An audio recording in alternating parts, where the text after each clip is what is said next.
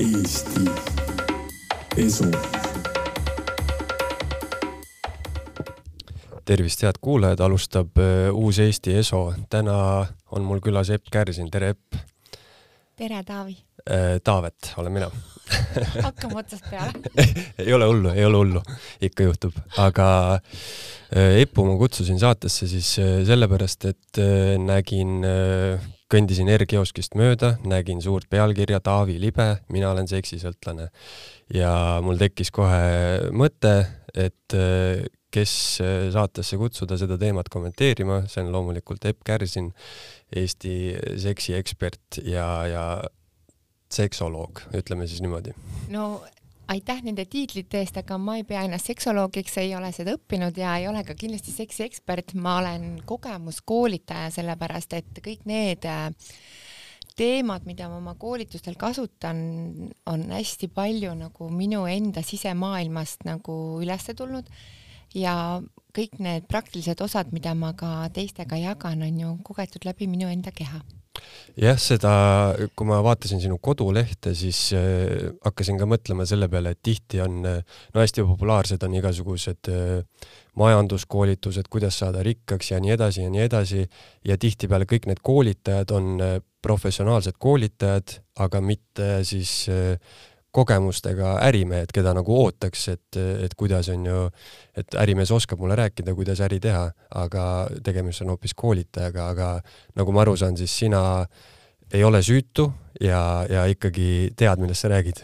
ja seda kindlasti, et minule seks on kogu aeg meeldinud ja ma ei ole seda ka kuidagi püüdnud varjata, sest et äh, seks ja naudingud meie elus on äh, nii loomulikud, aga ma siiamaani imestan, et kui palju häbi ja hirmu on sellega seotud me rääkisime ka varem, et, et sa juba käisid seda teemat tegelikult kommenteerimas äh,, aga ma küsiks ikkagi siis sinu käest, et et sinu hinnangul, kas seksisõltuvus üldse on mingi teema või on see lihtsalt ettekääne truudusetuse vabandamiseks?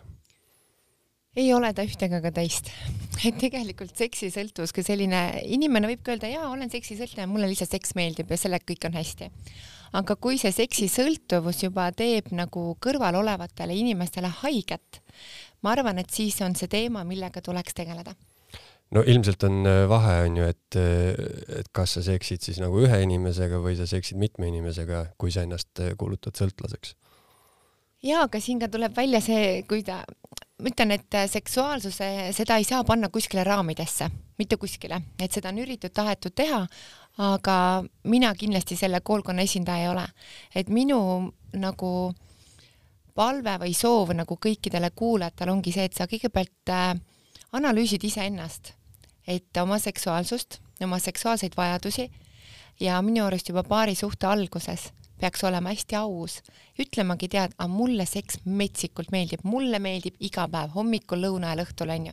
aga kui teine osapool ütleb juba sulle vastu, et oi-oi, mulle meeldib kord kuus, siis on juba see koht, aga kas me läheme sealt edasi või mitte sest äh, on ka näiteks naisi, kes ütlevad, et seks pole üldse suhtes oluline. aga mina kahtlustan, et nad ei ole lihtsalt väga head seksi saanud. kindlasti ongi selliseid inimesi, kes on väga seksuaalsed ja nende jaoks seksuaalsed naudingud ei, ei ole elutähtsad. aga pigem ma soovitaksin ikkagi nagu alustada kõigepealt sellest, et äh, me väga avameelselt räägime teineteisega mis on ühe jaoks seks, seksuaalsusnaudingud, mida me selleks vajame, kui pikk võiks olla eelmäng üldsegi, kas meil on suurdused, silitused, paitused, et äh, ma arvan, et see tuleb väga paljuski sellest, et me ei ole harjunud nendest asjadest rääkima, me läheme kuidagi justkui paari suhtesse ja siis seks on suhtes tegelikult oluline. rääkigu eksperdid või kes iganes meid kuulab oma arvamusest, et äh, see ei saa suhe koosneda ainult seksist, olen nõus, aga kui magamistoas on kõik hästi, siis te lendate läbi elu üks kord kuus versus äh, iga päev, siin tulebki teemaks selline see libido küsimus, et äh, sellega on ka minu arust seotud kuidagi selline arusaam, et libido on justkui midagi, mis antakse inimesele kaasa ja see ongi selline noh, et mina olen kõrge libidoga, sina oled madalaga ja niimoodi kuidagi ongi. aga, aga nüüd sa räägid, et võib-olla näiteks naised, kes äh, arvavad, et neil on madal libido, nad ei olegi võib-olla ütleme siis korralikult keppi saanud kunagi? no see sõna kepp on väga inetu, et võib-olla ta ei ole nagu kunagi kogenud sellist hingedevahelist armatsemist, sest naised vajavad eelmängu, ütlen juurde, tegelikult vajavad ka mehed seda eelmängu, aga see eelmängu pikkus on igalühel väga erinev, et kui naine teab, et jaa, kallis, et mulle meeldibki, et sa kõigepealt teed mulle pool tundi üldmassaaži või tund aega isegi, et sa pikalt suudled mind, et sa kuulad mind, sa oled kohal ja kohalolu nendes naudingutes on niivõrd tähtis, et kui me seksime silmad kinni, on üks maailm, aga kui me seksime mõlemad, on silmad avatud, siis me kogeme hoopis teistsuguseid äh, taevaseid äh, paradiise maa peal sina ütled, et keppimine on inetu sõna, mina muidugi sõnale iseenesest äh, mingisugust hinnangut ei annaks, et võib-olla need, äh, need pildid või, või need seosed, mis inimesel selle sõnaga tulevad, need võivad olla inetud, aga kas sa nõustud minuga, et, et ikkagi saab ju rääkida noh, ütleme eesti keeles erinevate sõnadega, et äh, seksimisel ja keppimisel on vahe, aga kumbki neist äh, ei ole võib-olla halb või inetu, kui see on nagu omal kohal. ütleme nii, et meil eesti keeles ei ole väga ilusat sõnavara, et seksist rääkida aga kuidas siis sellest rääkida? No ma ütlen, et äh, mina oma koolitusel kasutan ikkagi selline armatsemine ja naudingutesse sukeldumine ja et keppimine on selline, jah, see võib ollagi selline raju, seks, kirglik, äh, kaks-kolm minutit, eks ju. aga kui me räägimegi sellest äh, väga lühikesest ajast, siis minu jaoks noh, keppimine ongi selline kiire, mingi kähkukas, eks ju aga kui me ikkagi sukeldume hästi nagu teadlikult nendesse naudingutesse siis see on hoopis teine maailm. E, jah, üks teine maailm, e, mida sa ka mainisid enda kodulehel, aga sa ei taha väga sellest rääkida, on e, tantraseks ja see tundub selline väga sügavuti minemine. kõik on kuulnud seda sõna tantra ja see on natuke ära lörtsitud sõna, onju, aga, aga mis, mis see tantra siis ikkagi on? Tantra, see, mis ma tegelikult oma koolitusel räägin, see on ju väga sügavalt äh, tantristlik, aga ma ei kasuta seda sõna just sel samal põhjusel, et äh, meil siin Eestis, nii nagu sa ütlesid ka ise, tantra all on tehtud äh, võib-olla alati mitte kõige puhtamaid tegusid ja inimestel on sellega mingisugune error juba. tantra on väga teadlik armatsemine, hästi kohalolekuga, teineteisele pühendumine, avanemine, avardumine ja see on see on midagi nii imelist, mida võiks iga inimene kogeda. aga kui inimesed on oma suhetes maskidega, südamed on lukus, hirm haiget saamise eest, hirm läheduse ees, hirm selle ees, et ma ei ole väärtuslik või ma ei ole suuteline seda armastust vastu võtma ja jagama, siis seal tekivad juba väga suured blokeeringud kuidas selle ploki saaks lahk-, lahti muukida, kas näiteks eh, tunniajase massaažiga? no tund aega on alles sissejuhatus et äh, see peaks olema tegelikult äh, väga teadlik sisenemine üldse suhtesse ja seal on nii palju erinevaid etappe, mida tuleks äh, läbida, nii nagu meil koolis on matemaatika, füüsika, keemia, peaks meil olema kooliharidussüsteemis ka täiesti teadliku paarisuhte loomise kursus. Minul on plaanis, see tuli mul alles eile, kui ma Saaremaalt koju sõitsin koos oma noormehega, et äh, miks mitte panna kokku selline aasta aega kursus, kus saavad osaleda siis paarid, kes tahavad äh, enda suhtesse tuua täiesti uue tasandi või suhted, mis äh, alles algavad, et me loome nad nii teadlikult ja ma arvan, et lahutusi oleks kordades-kordades vähem Eestis, kui me saame teada, mis on minu enda soovid ja vajadused ja ma hakkan oskama neid väljendada enda partnerile. sest äh, üks teadlik paarisuhe no ma arvan, et paremat asja meie elus ei saa olla, sest äh, hea paarisuhe mõjutab meid nii vaimselt kui füüsilisel tasandil ja, ja annab meile nii palju rohkem loomingulist vabadust. Epp, sa räägid mulle, et, et seks on väga oluline osa suhtes.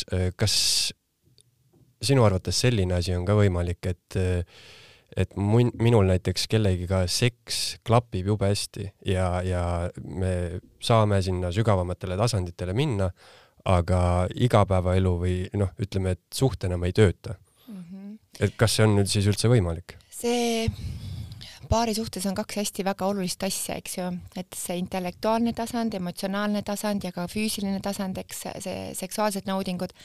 et alles lugesin ühte hiljutist uuringut selle kohta, et kui inimestel seksuaalsetel tasanditel ütleme, et noh, tehniliselt tahaks midagi täiustada, eks ju, ja mõlemal on väga suur huvi, siis on see võimalik. aga kui me intellektuaalselt teineteisega ei sobi, siis seda suhet klappima ei saa see tundubki mulle selline paradoksaalne olukord, et, et kui intellektuaalselt ei klapi ja noh, ilmselgelt sa ju inimesega ikkagi eeldatavasti natuke räägid enne, kui sa, kui te seksima hakkate, et, et kas, kuidas võib selline asi olla võimalik, et me intellektuaalselt noh, on okei okay,, me jõuame selle seksimiseni ja seksides meil kõik klapib hullult hästi, aga ülejäänud ajast me ainult ülitseme. aga minul on kohe siin küsimus me elame ju üks kord. miks ma peaksin olema suhtes, mis ei tee mind õnnelikuks? Ma tahan olla suhtes, kus ma olen tõesti hoitud, hellitatud, armastatud ja ma iga päev tunnen, kui palju on selles armastust ja hellust ja tähelepanu ja toetamist ja mõistmist. ma ei lepi poolkõva suhtega, sest ma tean, et ma olen väärt ainult parimast parimat. aga inimesed teevad nii palju kompromisse oma suhetes miks? vaadake reaalselt nagu seda suhet. kas te tahate olla selles suhtes viie, kümne, kahekümne aasta pärast?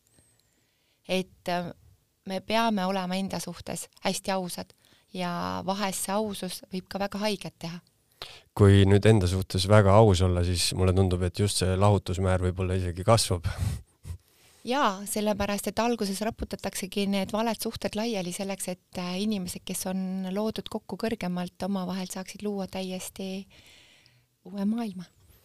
kui me tuleme nüüd selle libido juurde tagasi, eh, siis eh, no mina isiklikult olen elus märganud, et eh, kui ma võtan kaalus juurde, siis ma justkui mu libido tõuseb, et ma siis tahan rohkem, ma ei tea, kas see on mingisugune alateadlik, et ma tahan rohkem süüa, siis ma tahan kõike rohkem.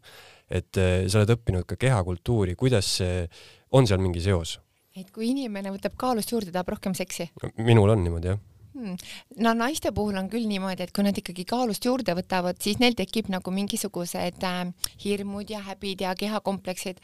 Ja meeste puhul ma olen ka sellega kokku puutunud, et ikkagi koolitustel, et kui mehel on kehakasv kehakaal väga kasvanud, siis ikkagi võivad tekkida seal juba erektsiooniprobleemid et äh, või kui on tööstress ja kõik need, aga siis sinu puhul on minu jaoks täitsa esimene kokkupuude, et kui võtad kaalust juurde, oled palju lustlikum. Ma olen seda tundnud ja ma olen ise ka seda hästi imelikuks pidanud, no ma ei ole nüüd ütleme ülekaaluliseks muutunud, aga noh, mingisugused kõikumised on ikka olnud ja, ja ma olen kuidagi nagu tajunud jah, et siis, siis oled nagu rohkem äksi täis või kuidagi päris põnev. aga jah, ma mõtlengi, et, et aga kas, kas sellel ajalises on... mõttes kestad ka siis kauem? vot seda uuringut ma ei ole teinud aga lihtsalt jah. kui hakkad seksima, pane stopper kõrvale, olen kuuskümmend kilo või olen kaheksakümmend kilo. ja seda ma pean uurima veel aga ma mõtlengi, et huvitav, et kas seal on nagu mingi füsioloogiline mingi asi ka, et, et noh, ma saan aru nagu sellisest noh, esteetilisest pilgust võib-olla, et sa ei, ei tunne ennast nii seksikana pean ja... tunnistama, et äh, kehakultuuri teaduskonnas meil oli küll seksuaalaluste loeng, aga üldsegi sellises teaduslikus maailmas äh, väga palju ei ole räägitud sellistest seostest. no vot tuleb rääkida. aga Epp, mitu korda nädalas ma pean seksima, et sellest saaks sõltuvus? sõltuvus? väga individuaalne. no mitu korda nädalas sina seksid? nii palju, et oleksin rahuldatud ja õnnelik.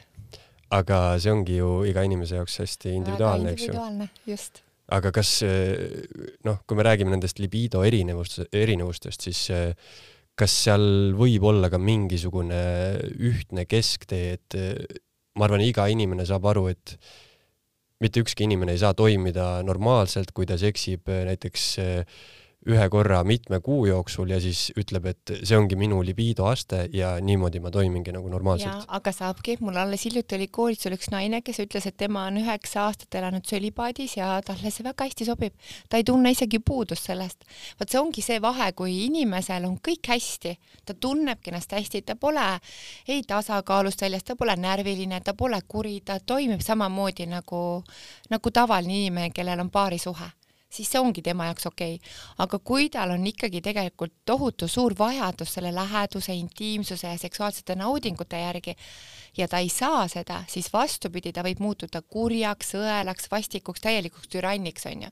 siis on ilmselgelt see, et ta tegelikult vajab seda, aga kuna ta ei saa, siis see kogu pinge kasvab tema sees. no see naine, kes on üheksa aastat sölibaadis, kas, kas sa küsisid siis tema käest, et kas ta on head seksi kunagi saanud? Ei, ta ütleski, et tema maailm, ta oli hästi vaimne inimene, ta oli väga-väga vaimne, hästi sellise äh, teistsuguse kõrgema vibratsiooni ja energiaga. Ja ta ütleski, et tema maailmas on äh, energia suunatud hoopis teistsugustele tegevustele on neid inimesi, kes ütlevad, et seks nagu on justkui madal ja, ja pole nagu kõige väärtuslikum tegevus. mina võin öelda enda kogemusest, et kui sa oled hästi teadlik oma seksuaalenergia väest ja sa oskad seda suunata, siis see on üks ilusamaid, puhtamaid ja võimsamaid kogemusi. see, kuhu sa jõuad läbi seksuaalenergia, missugustest portaalidest, väravatest läbi, see on lihtsalt ebareaalne aga see tähendab seda, et sul on kontakt oma kehaga ja sa oled väga teadlik, kuidas oma keha niimoodi juhtida, seda energiat. no sellised müüdid ja et ütleme, ma ei tea, need kõrgemad tasandid, nagu siis näiteks sinu, sinu klient ütles, et see on kuidagi kuidagi nii inimesesse kirjutatud asi, et, et seks on justkui madal, seal on võib-olla erinevad religioonid ka mänginud oma osa, onju, et alateadlikult me seostame kuidagi seda kehalist naudingut patuga, eks ju. ja inimene, kellel on kontakt oma seksuaalenergiaga, tal tegelikult äh, on tohutu vägi.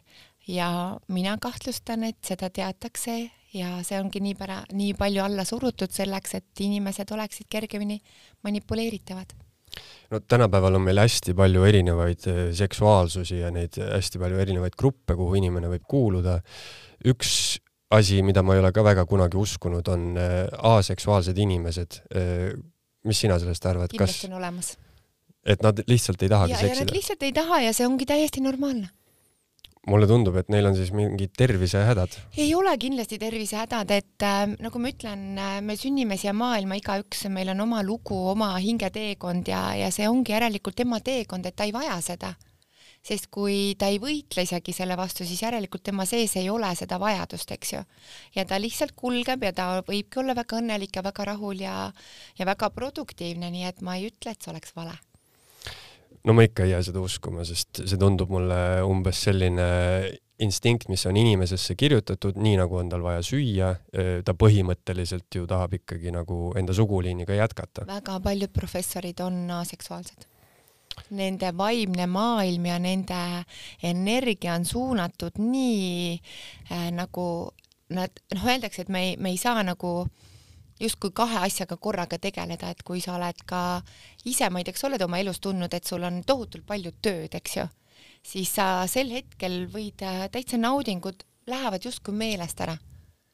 siis võib-olla sa oledki mingi periood aseksuaalne, eks, ja ka kui su elu on jällegi tasakaalus ja kõik äh, kiiremad perioodid, stressirohkemad perioodid on läbitud, siis sa jällegi võtad oma seksuaalsuse tagasi.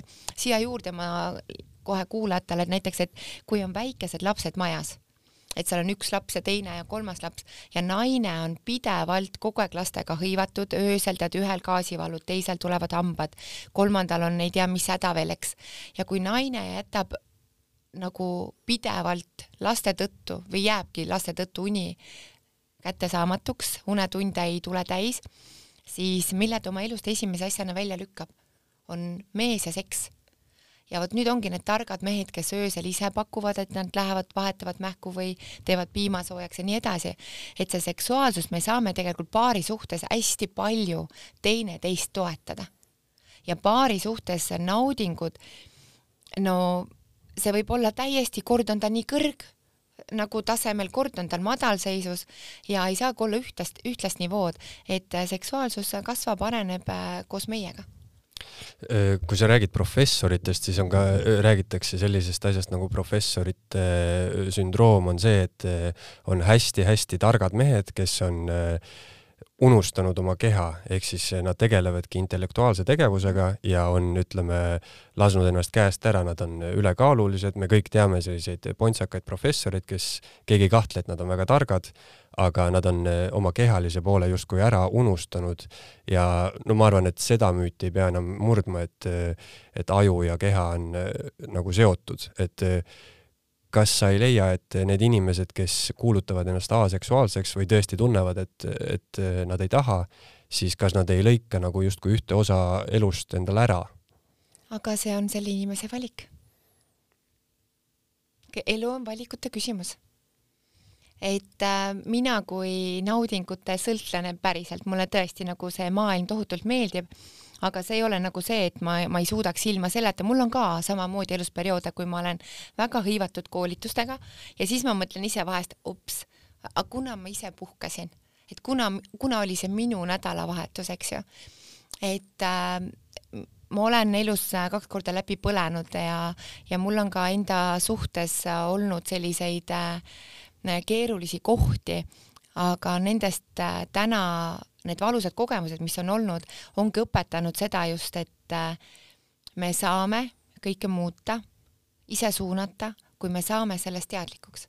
ja kui ma ei ole teadlik, siis ma võin kulgeda lihtsalt oma elus niimoodi, et unustada ära kõik, nii iseenda, oma partneri, oma naudingud, äh, oma väärtushinnangud, äh, oma soovid, oma unistused kui rääkida keerulisest kohast suhtes, siis noh, seesama libido erinevus, et üks tahab rohkem kui teine, noh, seda võib nimetada keeruliseks kohaks, et kas see on siis juhtunud aja jooksul või see ongi suhtesse minekul juba niimoodi olnud. aga kui nüüd tõesti on, olukord on selline, et üks tahab seitse korda nädalas, teisele piisab ainult ühest korrast, mis siis teha, kas kas see seitsme korra inimene peaks enda oma allapoole laskma? võib-olla see seitsme korra inimene kestab ainult üks-kaks minutit. Nagu ütleme, kui ta ei kesta? no mis sa arvad, mis on keskmine vahekorra pikkus? ma arvan, et äh, mingi kuus-seitse minutit. viimane uuring jah, viis koma neli minutit. aga kas selle viie koma nelja minutiga naine on jõudnud kuskile? no ütleme. juhul saab kliitori orgasmi või teeskleb, et üldse orgasmi sai, kui paljud naised teesklevad orgasmi? seitsekümmend, kaheksakümmend protsenti ja, ja, ja see ongi see koht, et äh, me ei ole teadlikud, kuidas meie seksuaalsus avardub, kuidas meie seksuaalsus kasvab. mul oli just nädalavahetusel äh, Saaremaal romantikapakett paaridele. mul oli üle kahekümne paari et nad reedel kuulavad koos teooriat, laupäeval on praktika, äh, mulaažide peal õhtul on võimalus kohe hotellis praktiseerida seda ja kui meil oli pühapäeval see jagamisring nende paaridega, kes sinna kohale tulid, siis tegelikult see on nii ääretult armas, kuidas üks paar ka ütles, et viis aastat ja kaheksa kuud nad ei olnud olnud sellisel nädalavahetusel. mis tähendab, et me unustame ära enda paari suhte. ja elus äh, ei saa olla eesmärgiks äh, teenida võimalikult palju raha ja osta endale metsikult kalleid ilusaid asju. me ei saa mitte midagi endaga kaasa võtta aga see, kuidas me oleme armastusväärses, armastustundes tõstetuna igapäevaselt, siis äh, vot need on need hetked, mida ei saa meilt me keegi mitte kunagi ära võtta. no kui üle viie aasta ei ole tegelenud sellise asjaga, siis äh, ei no, ole olnud aega, väikesed lapsed, karjäär. Siis äh, on ju noh, sa nõustud, et sellega nagu peaks tegelema teadlikult, aga see on täpselt samasugune asi, et see on äh, valikute küsimus, et mhm. kui me võtame selle ülekaalulise professori, siis äh, sina ütled, et see on tema valik võib-olla, aga mina ütlen, et ta ikkagi peaks sellega tegelema. et näiteks need paarid, see üks konkreetne paar, nemad olid küll, et äh, nad oleksid tahtnud teineteise jaoks aega, aga nad ei leidnud. vot see professori näide, ma ei oska öelda, et kas ta on rahul sellega kui ta on rahul, siis ta kindlasti midagi ei muuda.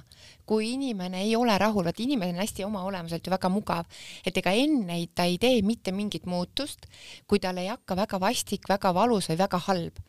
see peab nagu nii suurde musta auku kukkumine olema, kui ta ennast alles kokku võtab ja siis vaatab, et äh, võib-olla tõesti peaks miskit muutma no ja üks asi, mis seda mõjutab, on ka kindlasti sellise ütleme, ühiskonnas normaliseerimine, et seda justkui aktsepteeritakse, et et noh, võtame kas või sellise näite, et seda aktsepteeritakse, et me näiteks seksime ühe korra aastas, aga me oleme majanduslikult väga edukas abielupaar näiteks. aga noh, sina teed muidugi ühiskonnas seda tööd, et sina ütled, et ei, me tahame ikkagi rohkem mm. -hmm. Need äh väga edukad ja väga ilusate fassaadidega abielupaarid, kus on väga palju luksust ja ilusad kallid reisid ja ehted ja kingitused. tihti kompenseeritakse sellega midagi, mis on paari suhtes väga vajaka, kas mehel on kõrvalsuhted, naisel on kõrvalsuhted või, või lihtsalt äh, see väline osa on nii tähtis, aga kasvõi see mees või naine, isegi kui neil ei ole seal kõrval suhteid, see suhe võib olla neil vägagi keeruline. Ja lihtsalt oma koolitaja kogemus, ma olen tänaseks koolitanud tõesti üle kahekümne tuhande inimese ja, ja need lood, mida minuga jagatakse, on ühtpidi väga kurvad ja teistpidi on olnud ka see, et ma raputan neid ja nad saavad aru, et Äh, asjad ei kompenseeri inimese tühja hinge ja seda armastuse puudust. vahepeal tulevad välja huvitavad uuringud, kus näidatakse, mis riikides inimesed äh, kõige tihedamini seksivad. ja noh, Eesti ei ole kuskil seal kunagi topis olnud, et äh, miks sinu hinnangul Eesti inimene selline on, kas see on see, et meil on pikk talv ja me lihtsalt noh, talvel samas oleks ju nagu mõnus sahistada, aga, aga miks Eesti inimene siis nagu vähe seksib? kas tõesti meid ei ole mitte kuskil topis? seal on alati äh, Prantsusmaa, USA ja, ja sellised riigid. ma kunagi lugesin ühte uuringut, et see oli Jaapani kohta, et nad vist äh, seksivad kõige harvem aastas, nagu oli vist Jaapani kohta nii, ja tuli välja, et aga see seks oli nende jaoks niivõrd kvaliteetne. et äh, eestlaste kohta, no eestlaste seksuaalharjumused ma ei tea, kui teadlikult on sellesse üldse lähendatud, kas on mingisugune füüsiline vajadus, eks ju, soov lihtsalt mingi kähku kiiresti midagi ära teha või lihtsalt see, et äh, me võtame selle jaoks aega. no mina arvan, et minu elutöö preemia saab olema ühel hetkel see, et tõesti see jõuab kooli haridussüsteemi, me ei räägi praktikast, vaid me räägime just sellest teadlikkust, kuidas luua iseendaga suhe, see suhe iseendaga on kõige-kõige tähtsam. ja täna ma ju ei koolita ainult äh, täiskasvanuid, vaid mul on eraldi grupid noortele vanus kaksteist kuni neliteist teadlik seksuaalharidus, vanus viisteist kuni seitseteist teadlik seksuaalharidus ja need vanemad, kes on käinud minu koolitustel, ütlevad, Epp, nii tore, et sa teed seda loengut, minul endal on nii keeruline oma lapsega nendest asjadest rääkida. ja alles hiljuti nüüd oligi üks naisterahvas kirjutas tagasi, kuidas ta oli toonud oma neli nagu sõprade last oma tütrega koos ja see jutuvada, kui tüdrukud tulid, et äh, miks meile koolis nendest asjadest ei räägita. väga paljud vanemad kardavad, et kui laps teab seksist liiga palju, et siis ta hakkab väga vara seksima. ei, vastupidi, mida rohkem laps on teadlikum, seda hilisemaks lükkub tema esimene vahekord ja valikud elus oskab ta teha kindlasti palju õigemini. hiljuti ma kuskilt lugesin ja see ajas mind naerma, oli see, et et noh, tänapäeval on internet on ju kõigile kättesaadav, nii palju infot on, aga kunagi oli võib-olla kõige seksuaalsem asi, mida meie nägime lapsepõlves, oli Antila aja, selle ostuajakirja pesu, pesuküljed onju. et kui sa suhtled nende, nende teismelistega, siis eh, kas nad, eh, kas nad tegelikult juba teavad seda kõike? teismelistel täna on ju nutitelefonid, internetiavarustes on tohutult palju infot, aga mis mul endal tuleb meelde nagu minu lapsepõlves, mis oli nagu kõige seksikam reklaam tänaseks äh, Ingrid Tõniste, ma ei mäleta, mis tema perekonnanimi siis oli, aga kuidas ta seda jäätist sõi, no see lihtsalt see jäätise reklaam, ma imestan, et see üldse eetrisse lasti, ma arvan, et enamus nagu inimestel on silme ees see, kuidas Ingrid Tõniste limpsis seda jäätist aga selle laste huvi seksiteemade vastu on loomulikult olemas ja juba väga varakult, et ma tean, et juba enne esimest klassi nad on seal kuskil pornosaitidel ja on ka vanematel olnud väga suur šokk selle, kui nad avastavad, vaatavad nagu ajaloo järgi, kus laps käinud on, et nad isegi ei tea, et sellised pornosaidid olemas on. vot see on see koht, kus lapsega tuleb rääkida, et jaa, et see maailm on olemas aga et päriselus need asjad ikkagi nii ei käi sellepärast et seal tekivad neil väga valed ootused iseenda suhtes, enda äh, kehakogemuslikult äh,, ka visuaalis, eks ju, milline peab olema mees või milline peab olema naine. et need asjad tuleb olla kindlasti läbimõeldult ja edasiantult hästi nagu siiralt ja ausalt. sest kui laps on juba seda näinud, siis seda enam ei saa kuskil eitada, et seda maailma ei oleks ma mõtlengi, et seal võib tekkida selline efekt, et kui nüüd tuleb äh, täiskasvanu rääkima midagi lapsele, siis äh, no laps võib-olla tänapäeval isegi ei võta seda enam tõsiselt, sest ta noh, teab võib-olla isegi palju rohkem, sest ta on käinud igal pool, onju. Mhm. oleneb sellest, kuidas lapse tasandile minna, tema sisse pugeda, ise olles äh, hästi palju ka käinud äh, koolides, üle saja Eesti kooli, kus ma käisin, siis mul ei olnud mitte kuskil sellist kohta, et lapsed ei oleks mind kuulnud või nad ei oleks nagu sellest huvitatud. kaks tundi keegi nutitelefoni ei puutunud, täielik haudvaikus, nad olid nagu uruhiired, nad neelasid nagu ühest suurest kanalist kogu seda teadmist, et mitte midagi kuskile kaotsi ei läheks. ja nad äh, pärast tulidki jagama, et aga miks meile koolis nendest asjadest nii ei räägita. ma ei tea õpetajaid tuleks hakata koolitama. Kui sa koolitad täiskasvanuid, kas siis on äh, samamoodi hiirvaikus ja kõik, äh, kõik on väga huvitatud? ja, ja kindlasti, et äh, minu koolitustele tulevad juba tegelikult sellised ähm, inimesed, kus käib läbi filtreid need inimesed, kellele mina ei meeldi, need ei astu minu koolitusuksest sisse ja kellel inimestel on endal mingi seksuaalsete teemadega mingid häbid või hirmud või blokeeringud, nad samamoodi ei tule, sest ma ei meeldi neile, sest mina oma seksuaalsusest olen hästi vaba, aga see ei tähenda seda, et ma seksiksin iga mehega, ma seksin oma mehega, et ma austan ja hoian ja hoolin. Ja, ja, ja see on nagu hästi tähtis, et ma võin olla vaba oma seksuaalsusest, aga ma jagan oma seksuaalsust enda partneriga. Ja naised on ikkagi, kes on tunnistanud, et ega nad oma mehega ka ei julge vabad olla. Sest ühiskonnas on ikkagi nii tugevalt see surve olnud või mingisugused uskumused, et naine, kes näitab välja ka oma mehele, et talle seks meeldib, et ta on lits, aga millist meest naised voodis iga, igatsevad. et seesama armastaja energia, mis on nii vaba ja mis on nii loov ja sa oled nii äh, kõigega kaasa tulev ja sa julged nihutada enda piire ja sa räägid oma seksuaalsetest fantaasiatest nii mehena kui naisena. elu alles sealt algab. Et pimedas teki all kogu aeg ühte sama positsiooni tehes, see on igav. üks naine ütles koolitusel, et meil on seks mehega nagu bingoloto. ma küsisin, mis see tähendab? noh, vahest on nurkade mäng, harvem on diagonaalid ja täismängu pole olnud senimaani ja, või kasvõi seesama, need sisemised orgasmid mida mehed võivad kogeda ja naised, et kõikide orgasmide ema on emakakaela orgasm, aga et selleni jõuda, peavad olema sul suhted mehega korras, emotsionaalne lähedus, füüsiline klapp, intellektuaalne klapp, igapäevastest elu ja suhtlemisoskustest rääkimata ja, ja see kogemus naisele läbi oma keha tunda, vot see on see, miks me oleme inimesed, miks me siia tulime.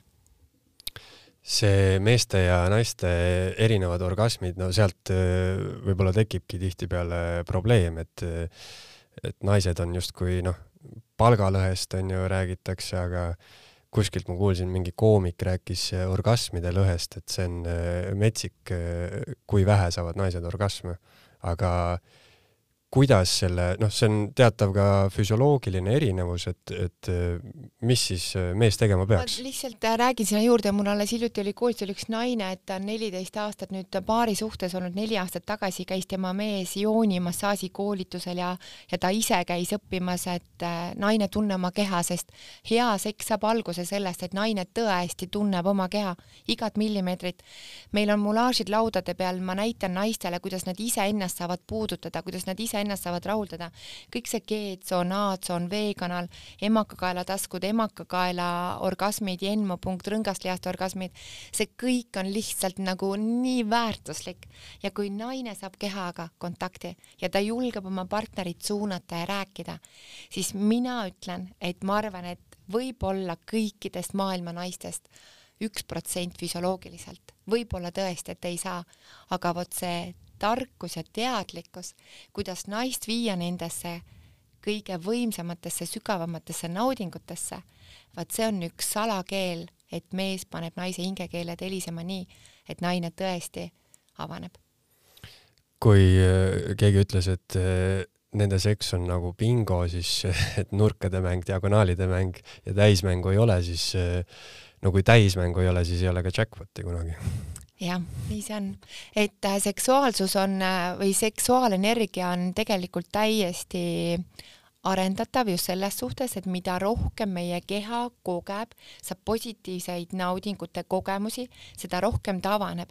seks nagu saksa pornofilmist võtab naise tupetundlikkuse vägagi-vägagi jahtakeseks, samuti liiga tihti vibraatori kasutamine, kõik see, mis meil on seksitööstuses, kõik need vibraatorid, see on metsikult suur business, mitte keegi ei ole huvitatud sellest, et, et sa jätaksid selle asja sinna ostmata, seal on nii nii head reklaamid juures. mina oma koolis, üks meesterahvas ütles ja et tead, Epp, et ma tõesti tunnistan, et ongi vibraatoriga täitsa kehvasti. me oleme vahekorras, naine lõpetab ära, ma ei jõua teda lõpuni viia ja siis naine võtab vibraatori, mis pidi olema sama võimas kui teetööliste see aparaat, mis asfaldit lõhub ja teeb sellega lõpuni. kui kaua aega taastub naise tupetundlikkus? see võib olla kolm kuud kuni pool aastat me võime kasutada vibraatorid, aga mitte väga tihti ja sageli. ja algselt kellele loodi vibraatorid? hüsteeriliste koduperenaiste raviks. vaadake film Hüsteeria, see on super hea film, see on ajaloo baasil tõesti sündinud lugu. et milleks ja mille pärast need vibraatorid kunagi siia sai loodud seda ma tõesti ei teadnud, hüsteeriliste koduna, perenaiste. koduperenaiste raviks, vanasti käisid naised arsti juures, arstid tollel ajal kõik meesterahvad, vaesed meesterahvad arstina, kes töötasid, karpaalkanali põletikud, närvikanali põletikud, nad lihtsalt ei jaksanud enam neid hüsteerilisi naisi ära rahuldada. ja siis olid vibraatorid, mis aitasid selle naise korda panna sellega mul tuleb meelde üks Kreisi raadio klipp seksiabist. olla seksiabi. ja, ja täpselt. aga ma küsiks äh, lõpetuseks sinu käest äh, sellise suure küsimuse, et äh, et meeste võib-olla instinkti on sisse kirjutatud see, et nemad tahavad oma seen-, seemet jagada nii paljudele kui võimalik. naistel on see põhimõtteliselt vastupidi, nemad tahavad leida ühe, kes neid kaitseb ja, ja nii on. meil on selline asi paika pandud nagu abielu mis sina abielust arvad, kas ma peaks allkirjastama lepingu inimesega, kellega ma tahan koos elada või seda ei ole vaja? ma arvan, et kaks inimest, kui nad tahavad teineteisega koos olla, siis abieluleping ei anna meile tegelikult mitte midagi juurde ega ei võta ka meilt ära. et pigem ongi ju kaks inimesed on ju vabast tahtest koos ja sa enne mainisid sellest ka natukene meestest, et ma lihtsalt tahan öelda, et kui mees äh, kogu aeg lõpetab äh, vahekorras äh, eakule-, eakuleerides, eks ju, siis ta annab ära enda energiat. noh, Hiina meditsiin seletab või tantraga ütleb, et see on eluenergia. ja et lihtsalt mehed peaksid õppima kontrollima enda eakulatsioonimehhanisme ja iga kord ei pea lõpetama, sest ka need sisemised orgasmid on kordades võimsamad kui see, kui mees lõpetab eakulatsiooniga. aga vot see ongi see oskus et äh, ja koolitustel ma ju räägin sellest nii peensusteni ja kui paljud paarid, kes on ka kakskümmend, kolmkümmend aastat koos. alles eelmine nädal üks härra ütles, et ma oleks tahtnud nelikümmend aastat tagasi neid asju teada. et kellel on rohkem soov nendest teada, siis minu kodulehekülg eppkarsin.com leiate kõik koolitused, ma teen väga palju erinevaid koolitusi. Ja meil on ainult üks koolitaja, see olen mina, olen diagnoosiga, ma võin hommikust õhtuni seksist ja naudingutest rääkida, sest see on nii minu maailm. Ja, ja sellesse paari suhtesse, kui me tahame tuua uut, isegi aastaid hiljem on see võimalik, kui mõlemad pooled seda soovivad. ja abielu kui selline, see sõlmitakse kahe inimese hinge vahel, kui nad tahavad, aga see paber, ma ei tea. ja veel kindlasti täna väga paljud suhted muutuvad, on muutunud ja kui vanasti tehti abielu või suhte kõrvalt võib-olla rutiinist vahelduseks otsides midagi uut väljaspool kodu, siis täna tulevad kõik need asjad nähtavale ja kui palju paare on neid, kes on leppinud omavahel kokku, kui teeme, teeme koos ja see kooselu püsib palju kirglikumalt, palju võimsamalt kui kunagi varem. nii et nii palju, kui on erinevaid inimesi, mõne jaoks ongi üks mees, üks naine terve elu ja see ongi õige, teine vahetab iga seitsme või kolme aasta tagant, kolmandad on sellised, kes vahetavad, naudivad, elavad kui paradiisis. Kõige tähtsam elus on see, et sa oled õnnelik, sa teed, mida sa armastad. Sinu paarisuhe paneb sul igal hommikul silmad särama ja sa soovid koju minna, sa soovid oma kaaslasega koos aega veeta, teil on ühised hobid, ühised käimised ja kindlasti, et te oskate võtta aega maha ja kord kuus olla selles armastuse ruumis kahekesti ilma igasuguste kohustuste, laste, sugulastega. nii et äh, jätke meelde kõik kuulajad, elu on elamiseks, lust ja lillepidu ja te olete väärt ainult alati parimast parimat. ja veel, millest ma tahan, kui ma jõuan, minge palun Põlvasse, seal on üks imeline mees, Benjamin, iga pühapäev kell üks on jumalateenistus, seda peaks kogema iga eestlane, kui positiivne sisend. Te tulete ära sealt Põlvast, Benjamini juurest ja te olete uuesti sündinud selge, aitäh sulle, et ma arvan, et kõik võtavad siit saatest kaasa mõtte, et mitte ärge seksige rohkem, vaid seksige paremini seksige kvaliteetselt ja Täpselt. seda on võimalik õppida. aitäh sulle, et said tulla! aitäh, Taavet! uues äh, saates juba uued teemad. Eesti Esu